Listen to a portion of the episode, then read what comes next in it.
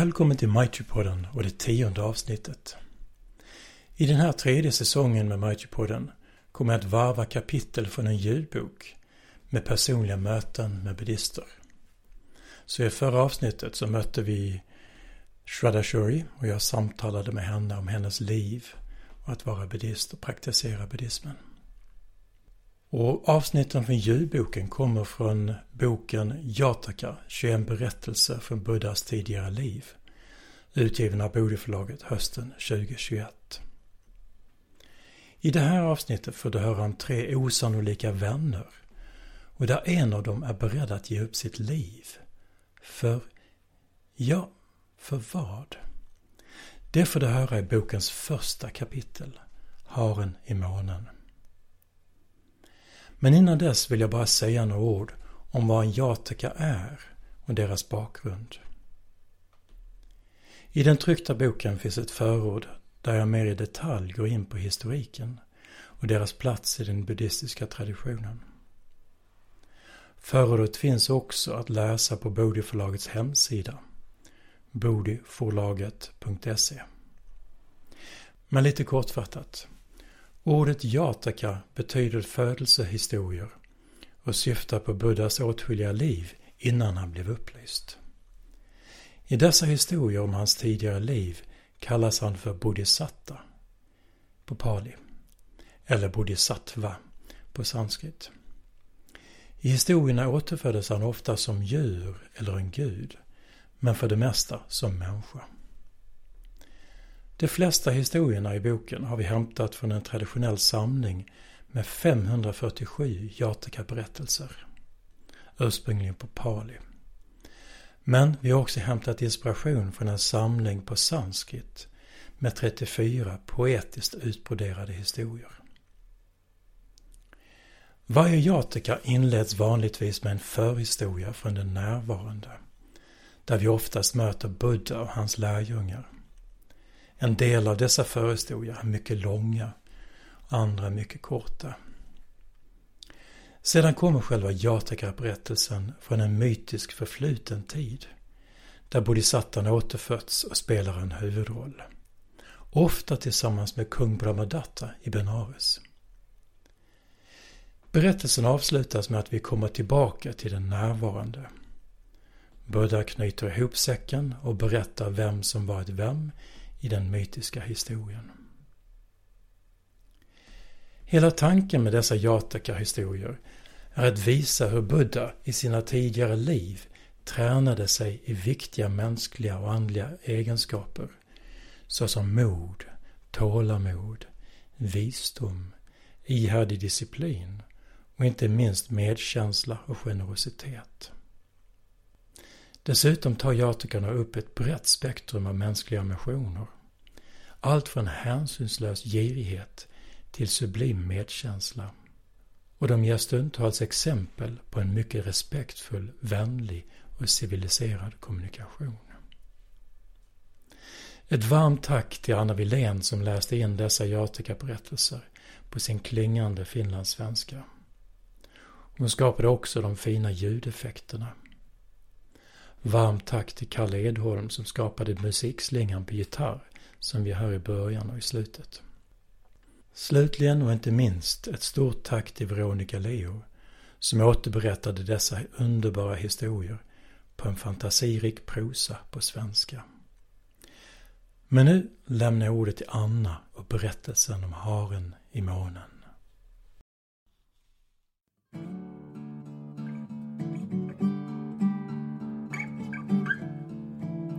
Haren i månen När mästaren vistades i Getalunden fanns där en jordägare i Savatti som försedde brödraskapet och Buddha med alla förnödenheter under en tid. Han hade uppfört en paviljong intill sitt hus dit han bjöd Buddha och alla bröderna. Lekmannen bjöd på utsökt och varierad mat. När måltiden var över sa han Välkomna tillbaka imorgon. Och sju dagar i sträck försåg han dem på så vis med mat. På den sjunde dagen gav han Buddha och de 500 munkarna olika förnödenheter som de var i behov av. Och vid slutet av denna måltid sa Buddha Broder, du gör rätt i att glädja och stödja oss på detta vis, för det här en tradition som de visa i det förgångna ägnade sig åt. De kunde rent av offra sina liv för vilken tiggare de än mötte. De var beredda att ge av sitt eget kött och blod. I en djup skog, så tät att dagsljuset endast med svårighet letar sig in mellan de höga trädens sammanflätade grenar, rinner en stilla flod, blå som lapis lazuli. Stränderna är täckta av jadegrön mossa, mjukare än sammet. Här nere i det gröna dunklet vid denna vackra flod återföddes Bodhisattvan en gång för länge sedan i en liten hares skepnad. Det var en mycket stillsam hare. Han uppträdde aldrig hotfullt mot djur som var mindre än han själv, men han var inte heller rädd för de som var större. Haren var lika vänlig mot alla och därför omtyckt av de flesta. Hans bästa vänner var en utter, en schakal och en apa. De fyra djuren trivdes i varandras sällskap och träffades så gott som dagligen. Den stillsamma haren undervisade ibland i lagen. Undervisningen hade ett gott inflytande på harens vänner. De blev i vida kretsar kända som ovanligt trevliga och hjälpsamma djur. Varken uttern, schakalen eller apan ställde ju någonsin till med ofog som kunde skada andra. Deras goda rykte nådde ända upp till gudarnas himlaboningar, där gudarna förundrades. En kväll, då månen blänkte som en silvertallrik i skyn, hade de fyra vännerna stämt träff vid floden. Haren tog genast till orda. Se hur månen ler mot oss med nästan hela sitt ansikte, sa han och pekade på månskivan med tassen. Imorgon är den full. Fullmånen bör man fira genom att handla rätt. Det betyder att man den dagen ska tänka mindre på sig själv och mer på andra. Det behöver inte vara tråkigt, tvärtom. Man kan umgås med sina vänner och bjuda på mat. Men märk väl, skulle en hemlös vandrare komma på besök den dagen ska han välkomnas lika hjärtligt som vännerna. Man bjuder på det bästa man har och ser till att gästen ätit sig mätt innan man själv tar för sig. Uttern, schakalen och apan tyckte att haren talat klokt och beslöt att till punkt och pricka följa hans råd. Nästa morgon steg de upp extra tidigt för att fylla på sina matförråd. De ville vara välförsedda om de fick en oväntad gäst. Uttern vaknade tidigast av alla och kilade sin vana trogen ner till flodstranden för att fiska. Stranden låg öde, men uttern fick genast vittring av nyfångad fisk. Någon har redan varit här, tänkte han och krafsade lite i sanden. Till sin förvåning fann uttern sju röda fiskar uppträdda på en vidja. Vem kan ha grävt ner dessa fiskar? undrade uttern. Han spejade nedåt floden, men där syntes ingen fiskebåt. Det var konstigt. Någon måste ju ha glömt dem, tänkte han och ropade därför så högt han kunde. Vem äger dessa sju röda fiskar? Ropet ekade mellan stränderna. Uttern lyssnade spänt men fick inte något svar. Då upprepade han frågan med något lägre röst. Vem är ägare till dessa fiskar? Skogen susade som vanligt, några fåglar tjattrade, för övrigt var det tyst. Uttern frågade då sig själv med sin helt vanliga röst vem är ägare till dessa fiskar? och svarade snabbt själv. Uttern! Därmed var saken avgjord. Uttern tog vidjan mellan tänderna och släpade fiskarna till sitt bo i strandbrinken. De doftade friskt och aptitretande, men uttern mindes harens ord. Man ska tänka mindre på sig själv och mer på andra. Och satte fiskarna i förvar i väntan på en hungrig gäst. Han var stolt över att kunna behärska sig och kände sig mycket dygdig. Schakalen var också tidigt ute. Han tassade ut ur skogen och smög sig nästan ända fram till fälten som människorna odlade. Det gjorde han ofta om han letade matrester. I skogsbrynet låg nämligen en hydda där mannen som vaktade fälten brukade övernatta. Nu syntes vakten inte till, så schakalen vågade sig fram till hyddan och kikade in genom den öppna dörren. På väggen hängde en kruka med surmjölk på en krok medan ett spett med ett par uppträdda ödlor stod lutat mot väggen. Så slarvigt av vakten att lämna sin mat obevakad, tänkte schakalen. Någon kunde ju fara iväg med den. Kanske jag borde ta hand om den så länge. Eftersom haren ofta påpekade att man aldrig får ta sådant som inte är givet lyfte schakalen sin nos och ropade för säkerhets skull tre gånger efter varandra. Får jag ta dessa ödlor och denna kruka surmjölk? Han lyssnade en stund och då han inte fick ett nekande svar såg schakalen det som sin plikt att ta vara på mat som annars skulle förfaras. Han tog spettet med ödlorna mellan tänderna, trädde snöret som krukan hängde i om halsen och lyckades, trots att det var mycket besvärligt, transportera alltsammans till sin lya. Väl hemma ställde schakalen undan sina fynd, lade sig att vila i väntan på en gäst. Han häpnade över sin själs styrka. Han hade inte ens nosat på läckerheterna, trots att han vid det här laget började bli ganska hungrig. Apan, som hade sitt bo högt uppe i ett lummigt träd, tyckte om att lata sig om morgnarna. När han vaknade var det redan ljusan dag. Apan mindes med ryck att han hade viktiga saker att uträtta och gav sig genast av. Han kastade sig med långa viga språng från träd till träd. Målet var ett mangoträd som växte mitt i människornas by. Där gällde det att plocka så många mangor som möjligt innan han jagades bort. Apan hade famnen full av mangofrukter då byns kvinnor upptäckte honom. En skur av stenar fick honom att hastigt ta till flykten och under färden hem tappade apan de flesta frukterna. Apan var ändå rätt nöjd med sig själv då han klättrade upp till sitt bo. Han hade två fina mangor kvar.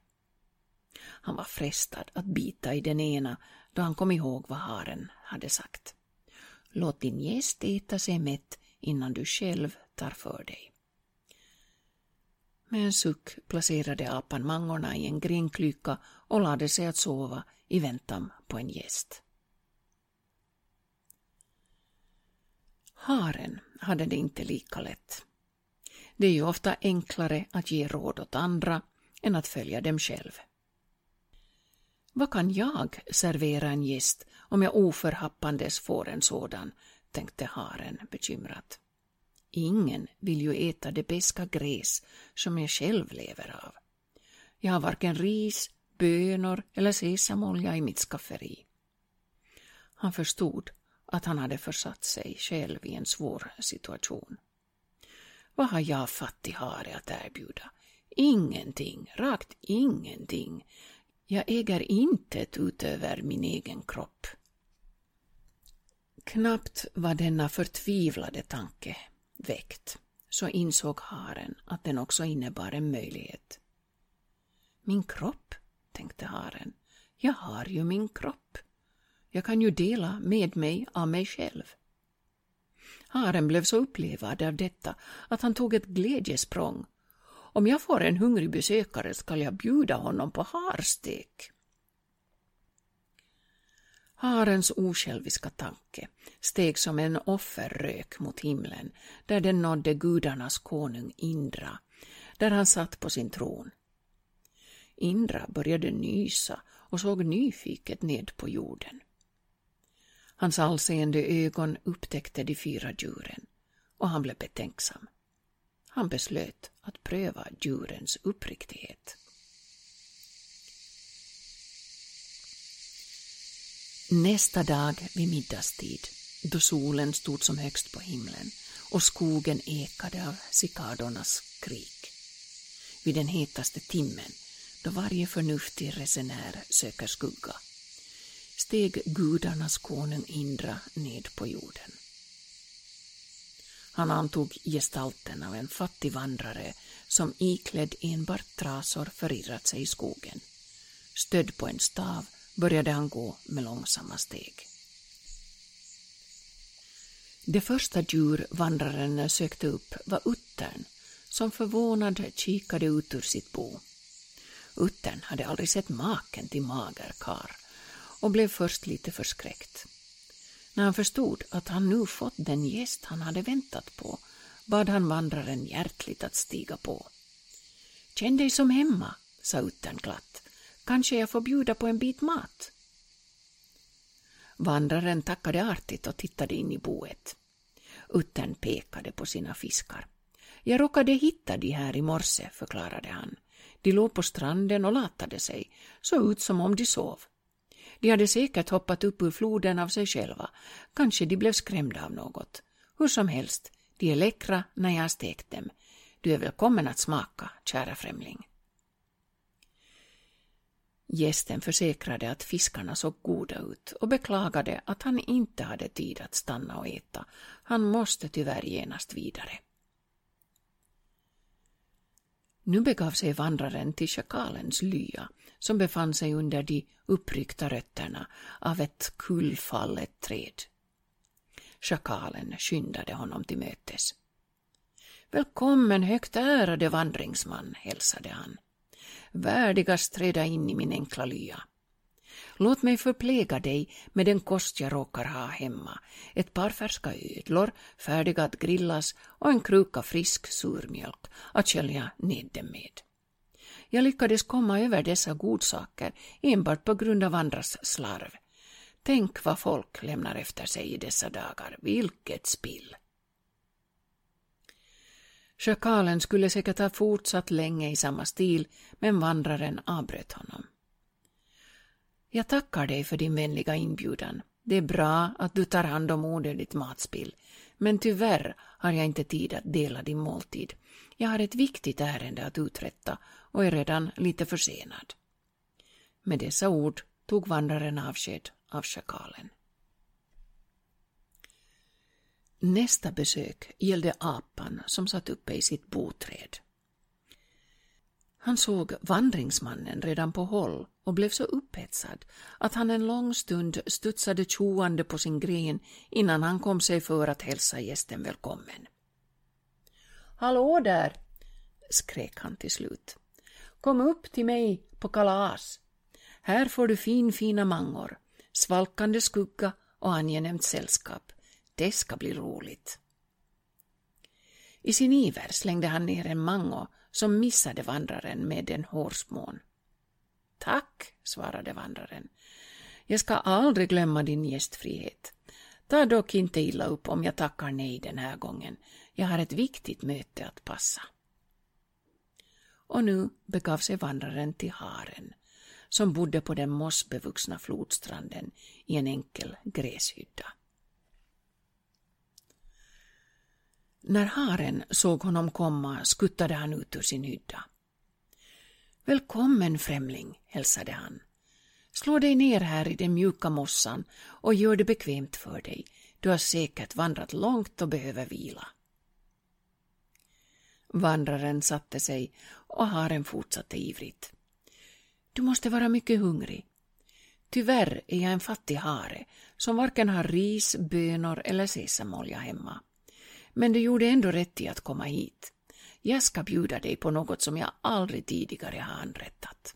Jag tänker bjuda på stekt hare och för att du inte ska belastas med synden och beröva mig livet kommer jag själv att lägga mig på glöden.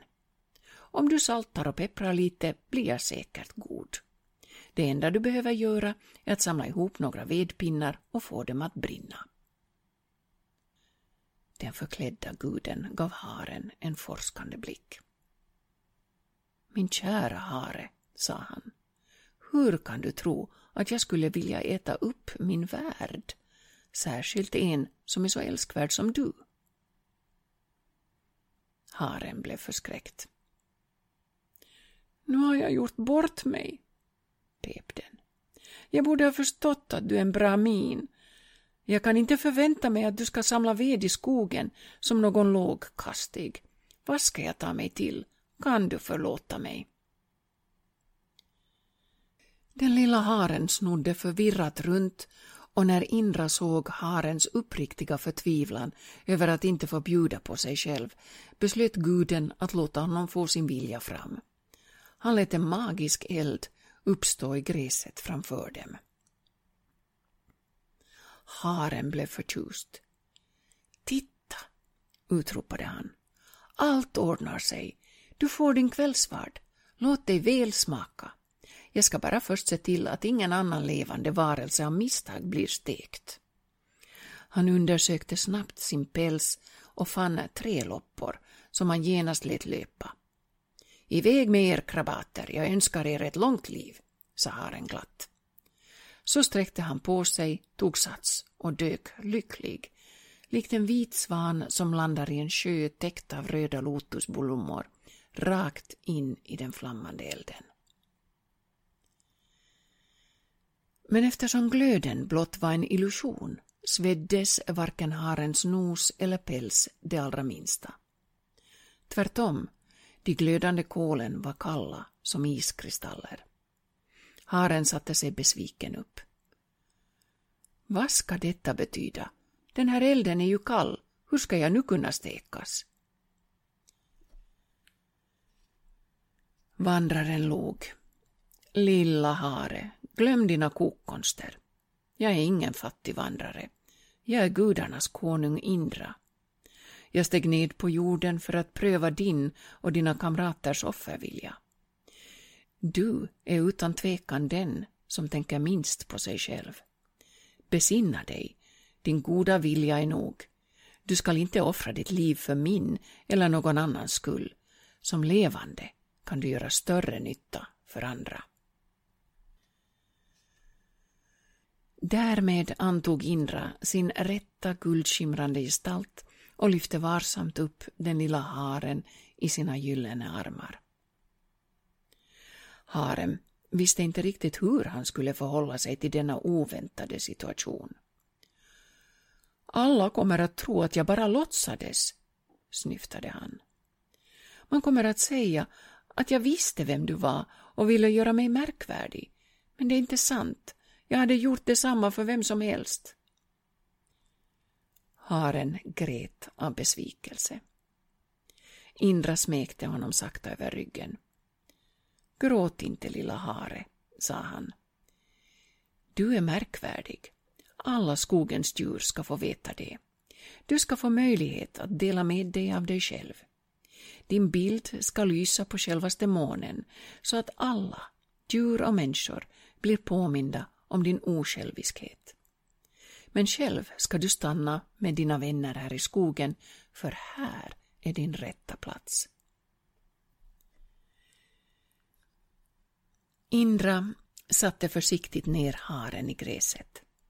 Sedan tog han ett språng upp till Himalayas toppar.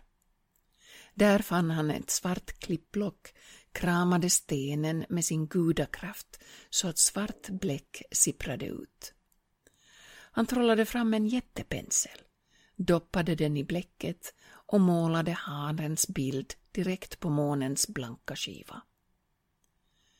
Uttern, schakalen och apan, som genast kände igen sin vän haren på månskivan, blev rundögda av förvåning. De förstod att något märkligt hade hänt och skyndade till harens gräshydda för att framföra sina gratulationer. Haren var omtumlad och en aning generad men samtidigt stolt och glad.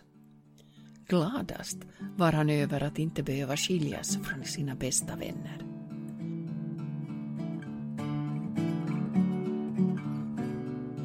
Nu kunde de fortsätta sitt liv tillsammans i den djupa skogen och särskilt under fullmånedagar. Tänka mer på andra än sig själv. Vi kan alla än idag se harens bild på månen om vi tittar noga. Den sitter upprätt på månskivan med sina långa känsliga öron och påminner oss om att vi, var och en efter sin förmåga, ska vara till glädje och nytta för varandra.